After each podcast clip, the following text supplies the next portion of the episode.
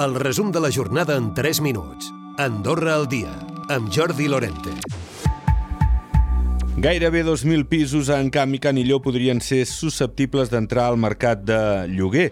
De fet, el govern vol estretament amb aquests dos comuns treballar en la localització i també l'intent de convèncer els propietaris d'aquests pisos perquè els posin per a lloguer assequible. Conxita Marsol. Hi ha com a mínim dos comuns que s'hi han posat molt seriosament i que m'han fet arribar informació, i ho diré clarament, que són els comuns d'Encam i de Canillo, s'hi han posat molt seriosament, m'han fet, fet arribar informació i estan treballant, eh, polint aquests llistats per donar-me els noms d'aquestes persones amb la finalitat de motivar-los a veure si podem aconseguir que estem parlant de a la ratlla de potser uns 2.000 pisos, que es posessin al mercat de lloguer, i si pot ser el mercat de lloguer assequible amb aquesta borsa d'habitatge que estem treballant. Andorra Endavant aposta per un canvi legislatiu que estengui el seguiment de les IP d'ordinadors a delictes informàtics penals menors.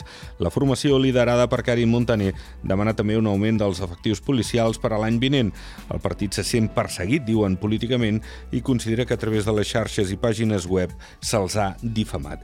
I el pressupost de Sant Julià de Lòria per aquest any estarà condicionat pel cost de la reforma del centre cultural, sobretot a partir d'una anàlisi que han d'elaborar tancaran més bé les xifres i és que a més de les reformes previstes se'n preveuen d'altres per millorar les instal·lacions. El cònsul major de l'Auradia, Cerni Cairat, és un edifici de, de més de 30 anys, ha donat un molt bon servei, era un edifici punter al seu dia, però certes instal·lacions s'hauran d'anar millorant, actualitzant i posant al dia. Llavors també hem de veure quina capacitat tenim a nivell pressupostari per fer totes aquestes eh, inversions i estem esperant doncs, a, a tenir una mica més aquesta idea per acabar de tancar el, el pressupost. L'Associació de Pagesos de la Cerdanya Francesa no tallarà la cruzat ni aquest dimarts ni dimecres, ja que les protestes que van fer dissabte passat al Saló de l'Agricultura contra el president Emmanuel Macron podrien fer arribar solucions aviat.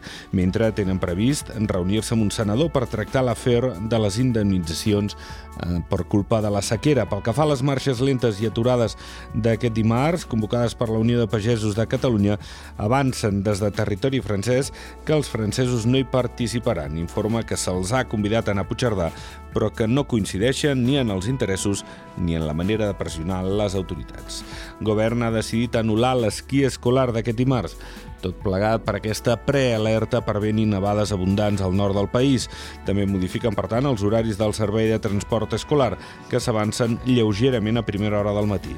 L'executiu ja ha avisat les famílies afectades pels canvis a través d'SMS. I es preveu que l'Escola Batel d'Hoteleria i Turisme pugui estar oberta dos anys més perquè els alumnes que estan cursant estudis els puguin acabar. El sector lamenta el tancament del centre, que ha proporcionat a Andorra el 80% del talent talent que s'hi ha format. Recupera el resum de la jornada cada dia a AndorraDifusió.d i a les plataformes de podcast.